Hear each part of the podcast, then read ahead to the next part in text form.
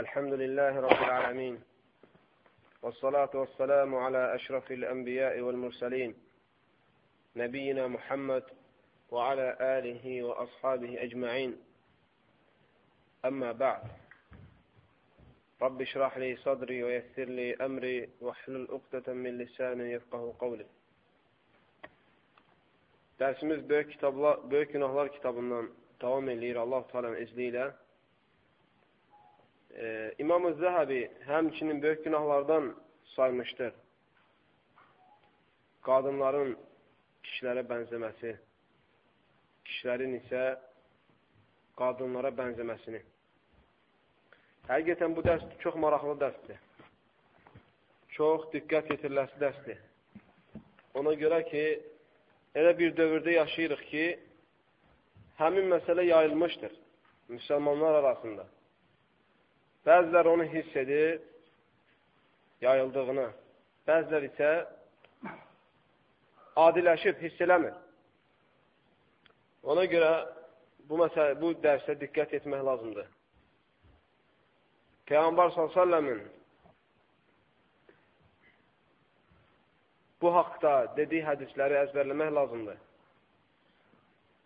Bilmək lazımdır ki, kişi nə zaman oxşaya bilir qadına?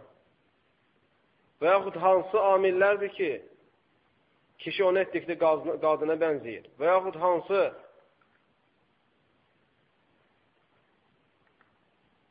əməllərdir ki, kişi onu etdikdə qadına bənzəyir?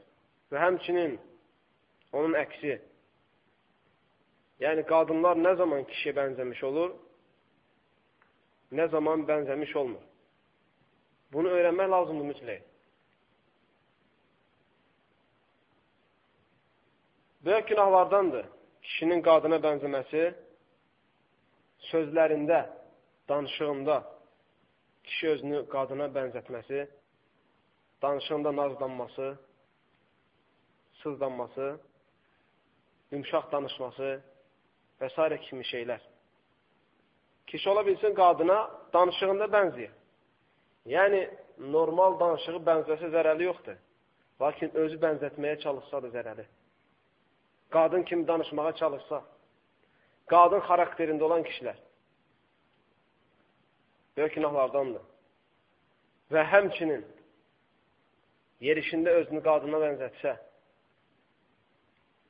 yeriyəndə qadın kimi yerməyə çalışır. Əgər yerişi fitrətdən qadın yerişi kimidirsə zərəli yoxdur. Lakin özü qəst eləsə qadın kimi yeriməyə, o zaman zərəli var. Eləcə də geyinişində qadına bənzəmək, qadın paltarı geyinmək, qadına olan paltarları, qadına aid olan paltarları geyinmək və həmçinin böyük günahlardandır. Sifətdə qadına bənzəmək, bədən figuranda, bədən formanda, bənzəmək qadına böyük günahlardandır. Qadına bənzəməklərin biri insan saçını uzatmaq, saqqalını qırxmaq. Qadına bənzəməkdir. Şəriətə müxalifdir. Saçı uzatmaq qadınların qadınlara aiddir.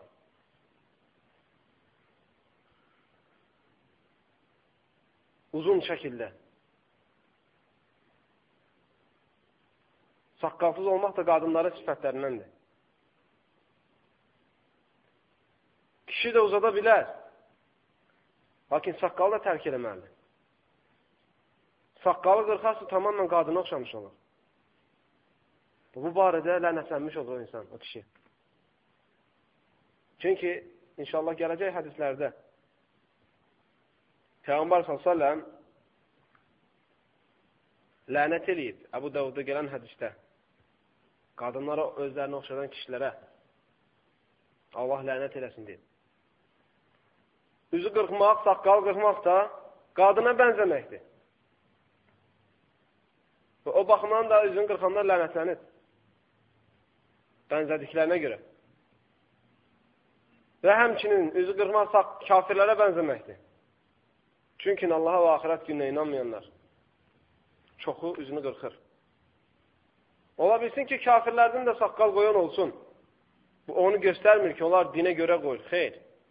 Onlar ya gözəllik üçün, ya seçilmək üçün insanlardan və yaxud nəyisə təmsil eləmək üçün saqqal qoyurlar. Onların saqqal qoymaqlarında məqsədləri Allaha və Rasuluna itaət eləmək deyil. Lakin dünyavi bir gəlir, gəlir üçündür. Atsan üçündür və s.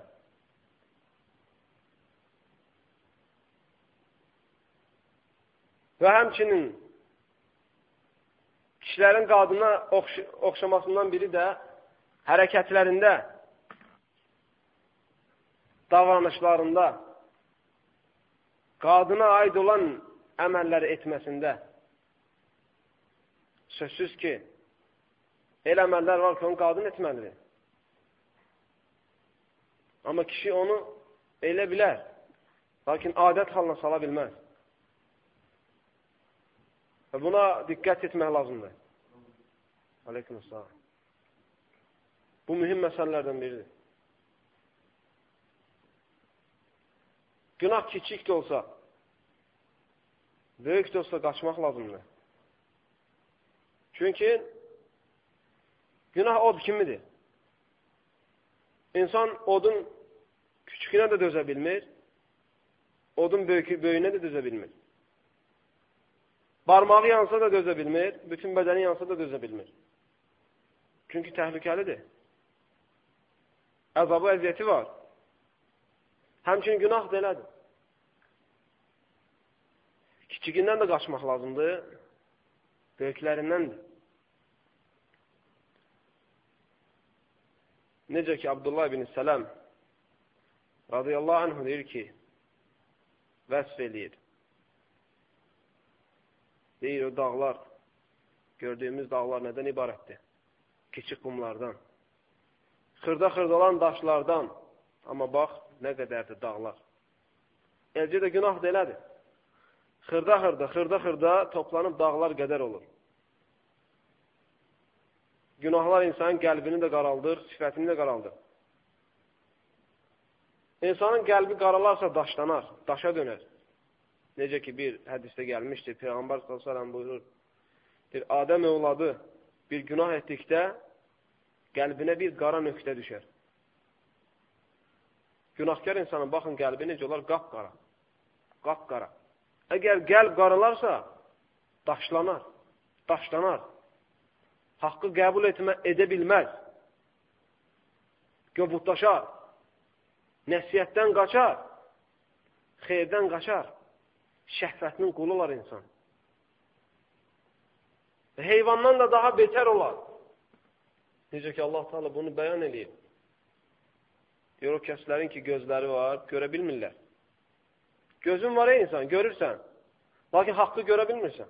Haqqı axtarıb tapa bilmirsən. Bilmirsən, haqq haradadır. Allah da deyir, onların gözləri var, lakin görmürlər. Haqqı görə bilmirlər. Qulaqları var, lakin eşitmirlər. Sözü eşitirlər. Amma haqqı eşidə bilmirlər. Haqqı dərk elə bilmirlər. Ağılları var deyir Allah-u Teala. Beyinləri var. Dərk elə bilmirlər. Nəyi dərk elə bilmir? Həqiqəti haqqı, Allahın varlığını, Allahın böyüklüyünü, ucalığını. Ulaikə kəl-ən'ami bəlhum adar. Allah Teala o kəslər heyvan kimidirlər. Əksinə heyvandan da daha da zəlalətdədirlər. Ulaikə kəl-ən'am. Onlar heyvan kimidirlər. Bəlhum aval. Əksinə heyvandan da daha da çox zəlalətdədirlər. Çünki heyvan ən azından Allaha zikr edir. Dənizdə balıqlar Allaha ən azından zikr edir. Daşlar, dağlar, təpələr, hər şey Allaha zikr edir. Amma qəlbi kor, qulağı kar, gözü lal olan insanlar Allah zikr eləmir. Əksinə Allahın nemətlərini yeyib onun qarşısında küfr eləyir. O nemətlərə şükür eləmir. Başlı başlı, başlığına gəldiyini iddia eləyir. Miskin, yazıq, bədbəxt. Heç özünü düşünmür ki, hardan meydana gəlib. Kim onu bu həyata salıb? Kim onun gözünə işıq verib? Kim onun qulağına eşitmək qabiliyyəti verib? Kim onun dilinə, dilinə danışmaq qabiliyyəti verib? Kimdir onun qəlbini işlədən, qanını damarlarında fırlatan? Kimdir? Boşu boşunadır. Əgər öz başındadırsa, nəyə görə ölürsən? Saxla da ürəyin. Ürəyin dayanmasın, ruhun çıxmasın. Bacarırsan? Xeyr. Çünki Allahın təqdiri iləndir hər şey. Qanında damarın, damarında qanının işləməsi Allahın təqdiri iləndir. Allah onu istədiyi vaxt dayandıracaq. Dəcək bəsdir. Nə zamana kimi? Dönməyin də bir vaxtı var. Nə zaman tövbə eləyəcəksən? Belə olmaz. Allah-u Teala Quran-ı Kerimdə buyurur Şura surəsinin 33-cü ayəsində. وَالَّذ۪ينَ يَجْتَنِبُونَ كَبَائِرَ الْاِثْمِ وَالْفَوَاحِشِ Allah Teala müminlərin sifətlərindən adlandırır. Deyir, onlar bütün fahişəlikdən, bütün pisliklərdən və bütün böyük günahlardan çəkilərlər. Onlar, müminlər o kəslərdir ki, bütün çirkin əməllərdən və fahişəlikdən, sözdə və əməldə, bütün böyük günahlardan qaçarlar, yaxın durmazlar. Zərəli yoxdur. Əsil odur ki, günaha yaxınlaşmayasan. Günaha yaxınlaşmamağın misallarından biri budur ki, sən məsələ tutaq, misal üçün qadına baxmayın. Naməhrəm, sahalal olmayan qadına baxma. Çünki naməhrəm qadına baxın, baxmaq zina etməyin bir vəsilələrindən biridir. Zinəyə qapı açan yollarından biridir. Ona görə Allah deyir ki, günahlardan, onlar müminlərin sifətlərinə günahlardan qaçarlar. Qaçmalısan. Əgər qaça bilməsən, düşsən, günahı unutma. Üstünü örtmə günahın. Heç gecikdirmə. Bir saniyə belə. Tövbə eləməyə çalış. Tövbəyə çalış. Ölüm vaxtına qoyma tövbəni. Bu bir ilahi hikmətdir ki, Allah Teala bizdən ölümün vaxtını, əcəlin nə zaman gələcəyini Allah Teala bizdən gizlətib. Nə üçün? Çünki əgər biz ölümümüzün vaxtını bilsəydik, əməlləri gecikdirərdik, tövbəni elə ölmə yaxın eləyərdik və salam. Nəyə görə? Çünki Peyğəmbər s.ə.v deyir ki, tövbə özündən əvvəlki bütün günahları pozur. El olduğu zaman gözləyərdik, ölüm gəlməzdən biraz qabaq, tövbə edərdik, bütün günahlarımız bağışlanardı. Xeyr. Allah Teala onu bizdən gizləyib. Vaxtını bizdən gizləyib. Ona görə sən nə bilirsən ölümlə vaxt gələcək. Qocalıqla deyil ölüm. Yaşlanmaqla deyil ölüm. Xəstələnməklə deyil ölüm.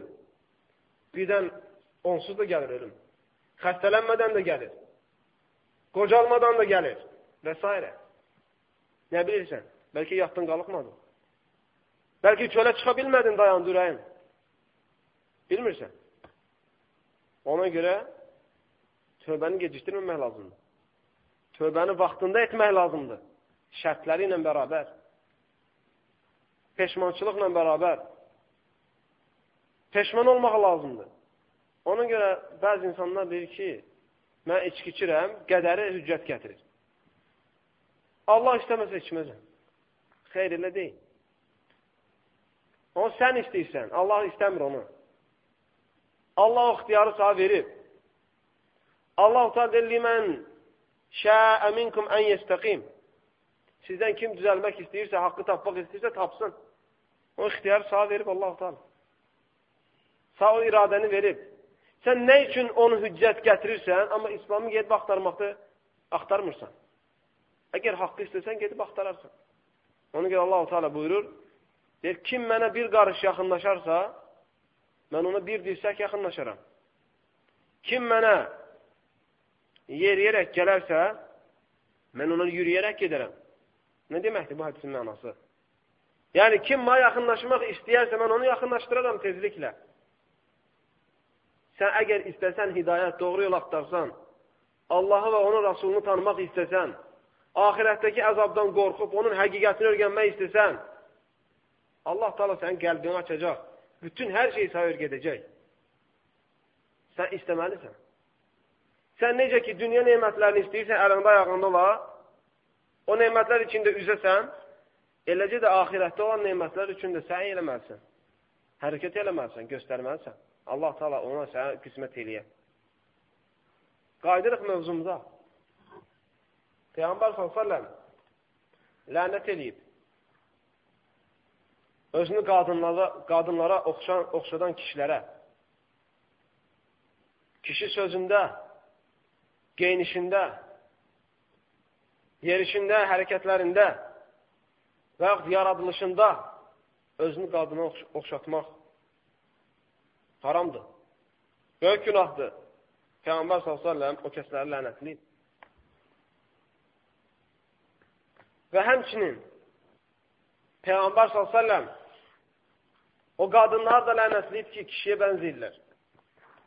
Özlərini kişiyə oxşadırlar. Bayaq keçdi. Kişilər hansı formada qadınlara oxşayırlar? Birincisi, geyinişində, paltarında. Kişiyə haramdır qadın paltar geyinmək. Hətta müəkkəti olsa belə. Bir müddət, qısa müddət olsa belə, kişi qadın paltar geyinmək haramdır. Yerişində qəsdlə özünü qadına oxşatsa, böyük günah qazanmış olur. Lənətə girmiş olur. Yaradılışında oxşatmaq saqqalını qırxmaqdır. Saçı uzadıb saqqalı qırxmaq daha da şiddətlidir. Amma xüsusən əksinə olur. Çoxu müsəlmanlar bu vacib olan bir şeyə etiraz edirlər. Vallahi ki, bəzi müsəlmanlarla özüm söhbət eləmişəm. Bəzi Peyğəmbər s.ə.v sevirəm deyənlərlə özüm söhbət eləmişəm. Deyirlər ki, saqqal İslamda çirkinlikdir. Allahın olsun ki, bunu həcə gələn müsəlmanların birindən eşitmişəm. Deyir, ha, ha, saqqal qoymaq çirkinlikdir. Gör, Peyğəmbər s.ə.v çirkin hesab edir. Abu Bakr Omarı, Osmanı əlini çirkin hesab edir. Allahın çirkin şey buyurduğunu iddia edir, iman, iman edir. Belə də İslam olar, belə də müsəlmançılıq olar. Baxın, nə dərəcə çatıb müsəlmanlar. Dində vacib olan şeyi haram görür. Bəli, Allah Teala əmr etdiyi hər şey gözəldir. Peyğəmbər s.ə.v əmr etdiyi hər şey gözəldir. Sən istəyirsən, xoşuna gəlsin, istəyirsən, gəlməsin. Problem səndədir. Dində problem yoxdur. Qadınların kişiyə oxşat, oxşama sifətlərindən biri saçlarını kəsməsi. Peyğəmbər s.ə.v o qadınlar ki, kişiləri özlərini oxşadır, onları lənətləyib. Deyə Allah onlara lənət eləsin. Lənət sözün mənası nədir? Lənət dedici nə qəst olunur? Lənət Allahın rəhmətindən qovulmaq deməkdir. Allahın rəhmətindən qovulmaq deməkdir. Cəhənnəmə girmək deməkdir. Cənnətdən uzaqlaşmaq deməkdir. Lənət bu deməkdir. Ona görə Peyğəmbər səsəm bu lənətliyib, Allahın rəhmətindən uzaq olmalarını diliyib. Qadının saçını kəsməsi, kişilərə oxşamaq, oxşa, oxşamaq növlərindən biridir. Kişiyə oxşamaqdır. Qadın saçını kəsə bilməz. Ayşə radiyallahu anh deyir ki, qadın üçün uzun saç, kişi üçün saqqal nə gözəl nemətdir. Nə qəşənglikdir, nə gözəllikdir. Bunu həqiqətən yaşayan insanlar bilir onun gözəlliyini, onun ləzzətini. Bunu yaşatan insanlar onun ləzzətinin farkındadır. Başqaları yox. Subhanallah. Bəzi müsəlmanlar, vallahi ki, namaz qılan müsəlmanlar, oruç tutan, həcə gedən, hətta bəzi dəvətçilər belə öz ailələrindən çox qafildilər, çox uzaqdılar. Görsən ki, yoldaşları zahiri kafirlərə bənzəyir. Həm Peyğəmbər s.ə.v o qadınlar ki, özünü kafirlərə bənzədir, onları da lənətləyib. Və həmçinin kişilərə bənzədənləri.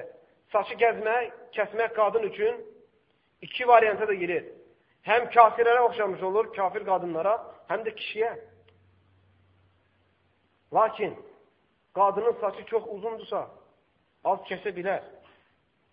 Yəni, kişiyə oxşadar dərəcədə kəsməkdir günah. Kişiyə, də, kişiyə oxşadar dərəcədə kəsməkdir. Lənətə düşər olmaq. Qadın ən son kəsə bilər saçını kürəyinə kimi çiyinlərindən bir dörd barmaq aşağı kimi. Çiyinindən dörd barmaq aşağı kimi. Əgər ehtiyac varsa kəsməyə, daramaq çətindirsə, tükü ilə maraqlanmaq çətindirsə qadına,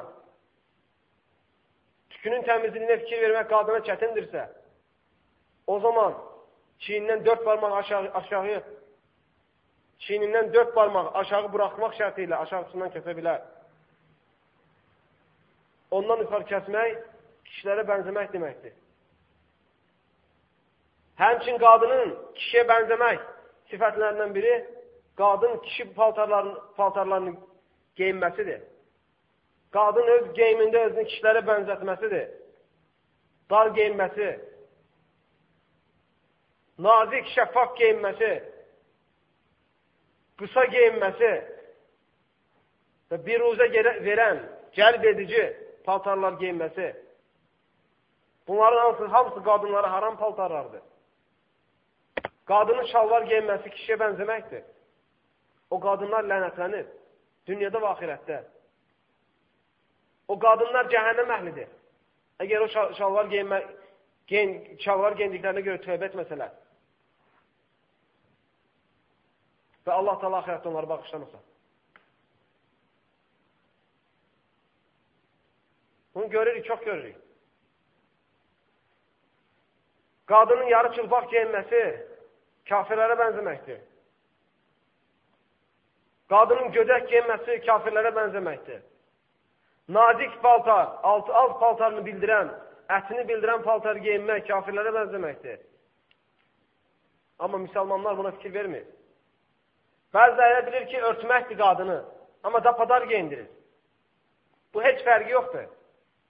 Həmən qadının bədənini vəsf edirsə, o qadını lüt göstərməkdir o. Peyğəmbər s.ə.v hədisdə buyurmuşdur ki, e, qiyamət gününə yaxın qadınlar gələcək, elə paltar geyiniləcək ki, geyindiyinlə geyinmədiyini fərq eləməyəcək. Yəni, o paltar əynində oldu, olmadı, fərq eləməyəcək. Onun üzvünü, figurasını o paltarla görəcəksən, paltarsız olsa da. Yəni, o qədər dar geyinəcək ki, qadının figurasını hər yerini biləcəksən. Belinin nazikliyi, qılçasının uzunluğu və s paltar fərq eləməyəcək. Diqqət etmək lazımdır. Mən təəccüb edirəm o kişilərə ki, qadınları belə paltar geyinib yollarda gəzir. O kişilər utanmır. Qeyrətləri yoxdur. Qıriyatları yoxdur. Başqa kişilər onun zövcəsindən zevq alır. Ləzzət alır başqa kişilər onun zövcəsindən. Görün müsibətə baxın. Nə dərəcəyə çatmışıq. Qadınlar var başları hicabda. Başlarına hicab geyinirlər. Amma o qədər dar, dar geyinirlər, döşləri bildirir. Üzr istəyirəm cür açıq danışmağıma görə. Çünki ehtiyac var. Bəyin eləməlisən. Hicabda məqsəd qadının elə paltar geyinməlidir ki, qadının heç bir üzvü görünməməlidir. Və həmçinin o qadınlara, o möminətlərə, müsəlmanam deyən qadınlara təəccüb edirəm ki, necə Allahdan qorxurlar ki, o paltarı geyinirlər. Peyğəmbər səsəm lənətli belə paltarlar geyin, geyinənləri. Həmçinin möminətlər də buna fikir verməlidir. Hicabda məqsəd qadın öz övratını, öz zinətini gizlətməkdir. Bədəni örtmək deyil. Dərini örtmək deyil. Bədən üzvlərini gizlətməkdir. Zinətlərini, kişiləri cəlb eləyən şeylərini, kişiləri cəlb edici üzvlərini örtməkdir. Və həmçinin qadının kişilərə bənzəmə, bənzəmək sifətlərindən biri yerişində kişilərə bənzəmək. Kişi yerişi ilə yerimək. Əgər qadının fitrətdən yaranış yerişi elədirsə, zərəli yoxdur. Özü qəsdən kişi kimi yerməsi böyük günahlardandır. Danışanda səsini kişilər kimi çıxartması böyük günahlardandır. Kişilərə aid olan işləri etməsi böyük günahlardandır. Boğuşması, dalaşması, sporlaşması və s. Ona görə bütün evli müsəlmanlara gələcəkdə evlənəsi subay müsəlmanlara tövsiyəm nədir? Ailələrini islah etmək üçün çalışsınlar. Ailə islahı bu dövrdən böyük cihad növlərindən biridir. Qadını islah eləmək, ailəmə İslamı yaşatmaq ən böyük cihad növlərindən biridir. Çünki kişinin ailəsinin İslamı yaşamamasına ən böyük səbəb onun ailəsidir. Çünki onun uşaqlarını da, övladlarını da həmin ailəsi, zövcəsi tərbiyə eləməlidir. Əgər zövcəsinin özü İslamı yaşamazsa, o övladları heç yaşamaz. Ona görə biz zövcələrimizin İslamı yaşam yaşamamasından qorxmaq, qorxmaq lazım deyil. Həmçinin ondan da qorxmaq lazımdır ki, övladlarımız da yaşa yaşamayacaq sabah. Çünki anadır əsas övladlara tərbiyə verən. Əgər qadın imansız olarsa, təqvasız olarsa, uşaqlar da elə böyüyəcək. Ona görə çalışmaq lazımdır. Tələsməmək lazımdır. Bir gündə, iki gündə islah eləmək çətindir. Xüsusən də bir müddət cahillikdə yaşamış qadınlar sonradan müsəlmana gedibsə və yaxud sonradan əri İslama gəlibsə, belə qadınları islah etmək üçün tələsməmək lazımdır, müddət lazımdır. Bir gün, iki günlə yox, aylar lazımdır, il lazımdır. Nəticəyə çatana kimi. Nəyə görə çox müsəlmanlar şikayət eləyir bugünkü gündə? Deyir, ailəm başını çalmır və s. və s. İslam yaşada bilmirəm. Elə müsəlmanlara, elə qardaşlara mən deyirəm ki, günah sənin özündədir. Xələl, səbəb sənin özündədir. Çünki sən İslamı doğru yaşasan, ailən də səndən ibrət alıb yaşayar. Sən özün İslamı yaşamırsan, səndə olan imana sənin zövcən şahid olmur. Bugün namazı qılırsan, sabah tərk edirsən. Böyük günahlar, adət cahil də bilən, cahilin etiqadı da olan, insanlar arasında da böyük günahlar sayılan şeylər zövcənin qarşısında edirsən. Namaza yatırsan, zövcən durğuzur. Deyir, əgər bu İslam dinində bu şey önəmi olsa, mən onu eləyərəm. Sənin özündə ciddilik görmür. Sənin iman sahibi görmür. Ona görə də zəifliyir. Qadın belədir. Allahın da olsun ki, əgər kişi doğru dürüst olarsa, qadını dəvət eləmək, zövcəsini dəvət eləmək ehtiyac olmaz. Qadının özü düzələcək. Kişisinin qarşısında onun kişiliyinə baxıb özü düzələcək. Onun qeyrətinə, imanına baxıb özü düzələcək. Mümkün deyil. Çünki qadınlar kişilərinə tabidir. Bəs necə dəvət edəcəksən? Yoldaşına necə, necə deyəcəksən? Başımı çal. Əgər özün musiqiyə qulaq atacaqsansa, televizorun qabağında oturub əxlaqsız kinolara baxacaqsansa, Necə zövcənə deyəcəksən, başını çal? Deyəcək, böyük günah deyirəm, baxırsan. Baş çalmaq da həmçinin günahdır. Sən bilirsən, mən deyirəm. Nə deyəcəksən? Heç nə, deyə bilməyəcəksən. Həmçinin qadının, o qadınlar lənətlənib bir qaşlarını alırlar. Çox az müsəlmanlardır yoldaşları qaşlarını almayan. Qadın almaq, qadın, qaşını alan qadınla lənətlənib dünyada və axirətdə. Peyğəmbər səsəm deyir, lənət olsun o qadınlara ki, qaşlarını alırlar. Allah yaradan qaş daha gözəldir. Həmçinin kafirlərə bənzəməkdir qaş almaq. Müsəlman bunu görür, vallahi ki, elə müsəlmanlar var ki, qaş alan aləti gedib özü alıb gətirir zövcəsinə. Baxın, sonra da İslamı yaşada bilmirəm deyir ailəmə. Hansı sifətlə yaşadacaqsan? Sən lənət olası şeyləri, lənətlənmiş şeyləri elədirsən, sonra da hidayət axtarırsan. Bu əlini ocağa soxub, yandırıb, sonra dərman axtaran kimi bir şeydir bu. Müalicəsi üçün. Xeyr, belə olmamalı. Həmçinin qadınlar, o qadınlar lənətlənib ki, ətirlənib, duxlanıb yollara çıxırlar. Kişilər olan yerə gedirlər, qarşılar kişilərlə. Peyğəmbər s.ə.v deyir, o qadın ki, ətirlənib yola çıxar, qaydana kimi o qadın zinakardır. Omar radiyallahu anh'ın bir gün qabağından gəlir bir qadın. Və ondan Omar radiyallahu anh'ı ətri hiss edir. Qaydı ey qadın, qayıt evimə, cünubdan qusul etdiyin kimi ondan qusul eləyinə. Cünubdan qusul etdiyin kimi ondan qusul etkinə. Ətir gedənə kimi. Amma kişisindən çox vurur bəzi qadınlar ətri yola çıxanda. Kişiləri gəlb eləmək üçün. Kafirlərin qadınlarından danışmıram, müsəlmanların qadınından danışıram. Evi uçuran elə müsəlmanların özləridir. Bu mühüm məsələdir. İslamda həyat qurmaq, İslam həyatını yaşamaq həm çətindir, həm rahat. Rahatdır o baxımından ki, əgər sən imanlı olsan, zövcən imanlı olsan, bütün problemlər qabağında hey, hamısı həll olmuş olacaq. Heç bir darlıq çəkməyəcəksən. Çünki salih zövcə insanın İslam yaşamasına çox kömək eləyir. Peyğəmbər sallallahu deyir ki, bu dünyadan iki şey sev iki şeyi sevdim mən. Onlardan biri qadın, salih qadın. Dua var Rabbena atina fid dunya hasana və fil ahireti hasanatan və qina azaban nar. Dünya həsənəti və axirət həsənətini istəyir Peyğəmbər sallallahu Bu axirətdə isə cəhənnəm əzabından Allaha sığınır. Nədir dünya həsənəti? Alimlər deyir, dünya həsənəti salih zövcədir. Çünki əgər insan salih zövcəsi olarsa, dünyada xoşbəxt o insan. Və həmçinin çətindir, əgər sən İslamı yaşamasan, bədbəxtlik olacaq.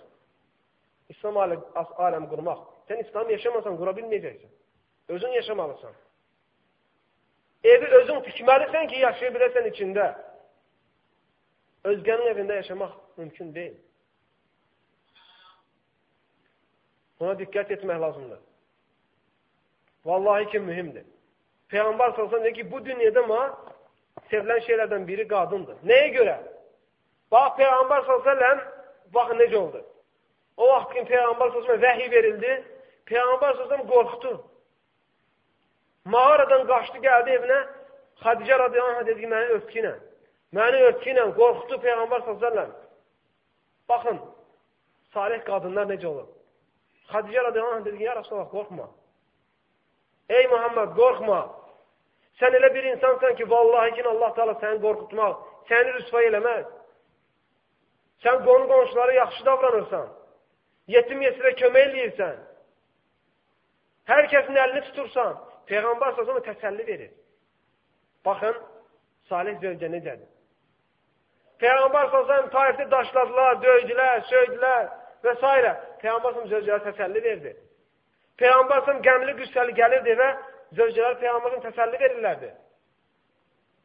Ona görə görün Peyğəmbər s.ə.v ona görə qadınları çox sevir. Zövcələrini çox sevir. Nəyə görə? Çünki onlar Peyğəmbər s.ə.v dərdinə ortaq olurlardı. Dini Peyğəmbər s.ə.v-in evdə etdiyi şəriəti insanlara çatdırmağa həris idilər. İnsanlara çatdırırlardı. Ona görə Peyğəmbər s.ə.v köməkçiləri idi. Yardımçıları idi. Zövcələri Peyğəmbər s.ə.v-in. Və həmçin nəsiyyət edirəm, tövsiyə edirəm o qardaşlarımıza ki, evlənəsizlər. Qadını dinə görə seçsinlər. Dinə görə sadəcə. Əgər sadəcə məqsədi gözəllik olacaqsa, əgər qadın imansız pis olduqdan sonra o gözəllik onun qabağında gözünə görünməyəcək. Ən çirkin insan, əxlaqlı insan onun gözündə ondan daha gözəl görünəcək. Əgər mala pula görə evlənibsə, vallahi ki, o mal bir gün olmayacaq. Hər açan gülün bir gün solmağı var. Peyğəmbər sallallahu deyir ki, qadın dörd şeyə görə evlənilir. Qadını insanlar dörd, görə, dörd şeyə görə seçir. Birincisi, malın atına görə. Malın atına görə seçənlər xristiyanlardır. İkincisi, adına, sanına görə, nəslinə, kökünə görə. Bunu seçənlər yahudilərdir. Üçüncüsü, gözəlliyinə görə. Bunu seçənlər ateşpərəstlərdir. Dördüncüsü də dininə görə. Bunu seçənlər müsəlmanlardır.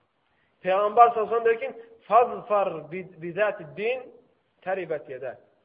Din sahibini seç, xoşbəxt ol yenə. Sözsüz ki, gözəllik qadında lazımdır. Sadə emirəm get bir çirkinin birini al. Sadə emirəm get bir şikəstin birini al, xeyr. Lakin əsas məqsəd qadını seçdikdə din olmalıdır. İslamiyyətə yaxın olmalıdır.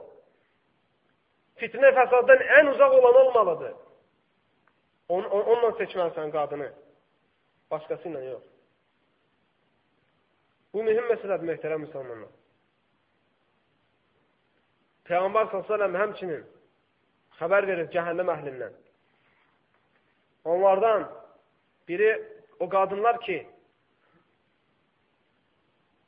açıq olacaqlar, çılbaq, insanları özlərini cəlb eləyəcəklər. Başlarını, saçlarını açacaqlar. Peyğəmbər sözündə ki, onlar cənnətə girməyəcək. Hətta cənnətin iyini belə duymayacaq. Qadının tamadalanıb, pudralanıb, çölə çıxması, yollara çıxması, əcnəbi kişiləri görünməsi haramdır.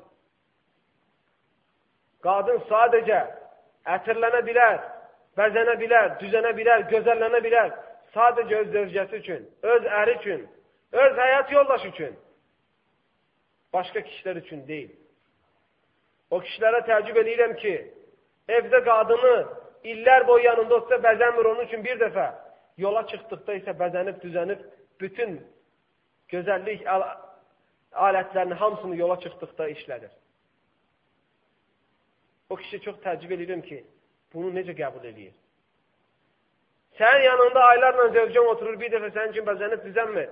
Yola çıxdıqda isə düzənib, bəzənir. Nə üçün? Kimə göstərmək istəyir özünü? Səndən başqasında gözü mü var? Yoxsa səndən başqasını özünü bəyəndirmək mi istəyir? Başqa nə var ortada?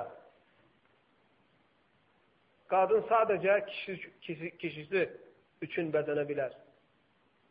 Hətta kişisi üçün olsa belə qaşınıla bilməz. Çünki qadının qaş alması, dişlərini seyrətməsi, bunların hamısı qadağandır İslam dinində. Əgər qadının üzündə tük olarsa və yaxud bığ olarsa qadında, qadın bu tükləri gedirdə bilər. Tükləri gedirdə bilər, halaldır. Haram deyil. Lakin qaşa toxunmaq olmaz, kəsinliklə. Kəsinliklə. Qadın ətir sürtə bilər ər, əri üçün, sadəcə, evdə. Qırağa çıxdıqda deyil. Və həmçinin qadını yaxşı qorumaq lazımdır. Özün qorunduğun kimi fitnə fasaddan onu da qorumaq lazımdır. Qadının çaşmaq, ərinə asi olmaq səbəblərindən biri qadının evdən xaricdə çox olması. Əcnəbi, məhrəm sayılmayan kişilərlə çox oturub durması, qeybətçil, fitnə, fəsad qadınların içinə gedib gəlməsi və yaxud onun yanına onlar gəlib getməsi, qadının çaşmaq, əxlaqsızlaşmaq səbəblərindən biri qadının televizora baxması. Bu, ən böyük səbəblərdən biridir. Televizorun qabağında tək oturması, istədiyi kanallara qrup baxması qadının ən böyük çaşmaq amillərindən biridir. Özümüzdən götürək, öz təcrübəmizdən. Sən ey insan, ey kişi tayfası. Sən televizorda bir qız gördükdə qəşən qız. Ona meylin gedir yoxsa yox? Gedir. Qəşən qız gördükdə televizorda istərsən xəbər danışan olsun, istərsən teatr aparan olsun, istərsən kino olsun və s. Sən ona meylin gedir, baxırsan, maraqlanırsan, onu sevirsən, şəhvətin oyanır. Qadın belədir. Orada səndən başqa gözəl bir kişi gördükdə o da meyl edir. O da həvəsə düşür. Sən elə bilməyəcəksən. Qadınlara fikir vermək lazımdır. Televizorun qabağını buraxmaq lazım deyil. Qadınların ən böyük çaşmalarına, zinaya düşməklərinə səbəb onların televizor arxalarında əxlaqsız filmləri və əxlaqsız verilişləri izləmələridir. Buna şahidik. Baxın dünyada nə qədər fitnələr elə bu vasitə ilə olur. Məhrəmlər bir-biri ilə zina etməsi, məhrəmlər səbəbi bu cür verilişlər olur. Ona görə onu unutmamaq lazımdır. Bir zəif hədisdə gəlmişdi.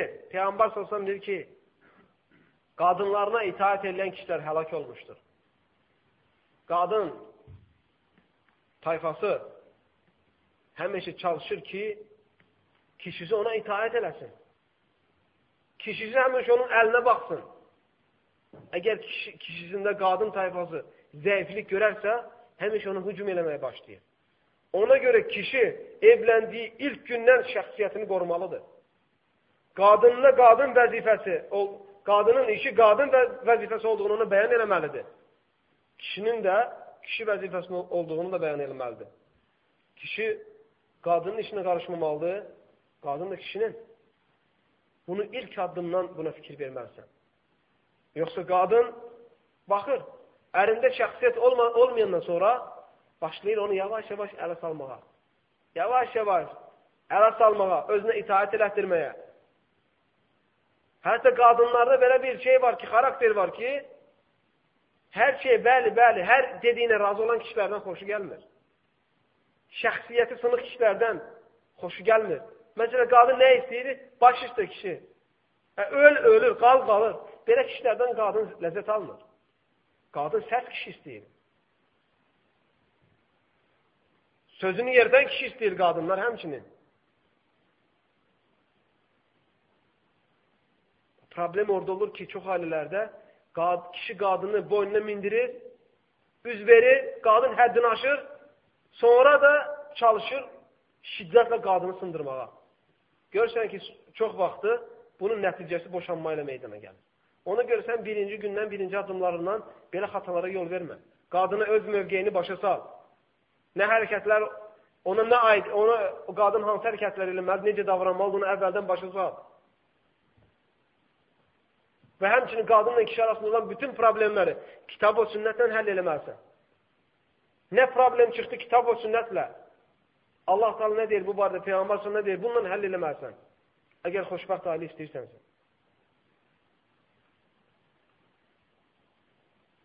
Həmçinin qadın öz zinətlərini başqa kişilərə göstərməməlidir.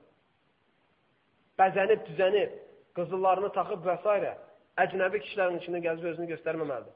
Çünki bu da qadını cəlb edici şeylərdən biridir. Kişilərin onu eləmə, etmə səbəblərindən biridir. Bunun da qabağını almaq lazımdır. Allah Taala'dan istəyirəm ki, bizi, ailəmizi islah etməyə bizə kömək olsun. Allah Taala'dan diləyirəm ki, bizim ailəmizi, zövcələrimizi, uşaqlarımızı, atamızı, anamızı hamısını doğru yola hidayət etsin. Allah Taala'dan diləyirəm ki, bizi dünyada olan nemətləri ilə və axirətdə olan nemətlərlə bizi nemətləndirsin. Uca Allahdan diləyirəm ki, övladlarımızı salih övladlardan etsin. Allah Taala'dan diləyirəm ki, övladlarımızı salih, imanlı övladlardan etsin. Allah Taala'dan diləyirəm ki, ailəmizdə İslamı yaşatmağı bizə kömək olsun. Və sallallahu aleyhi və səlləm Muhammed.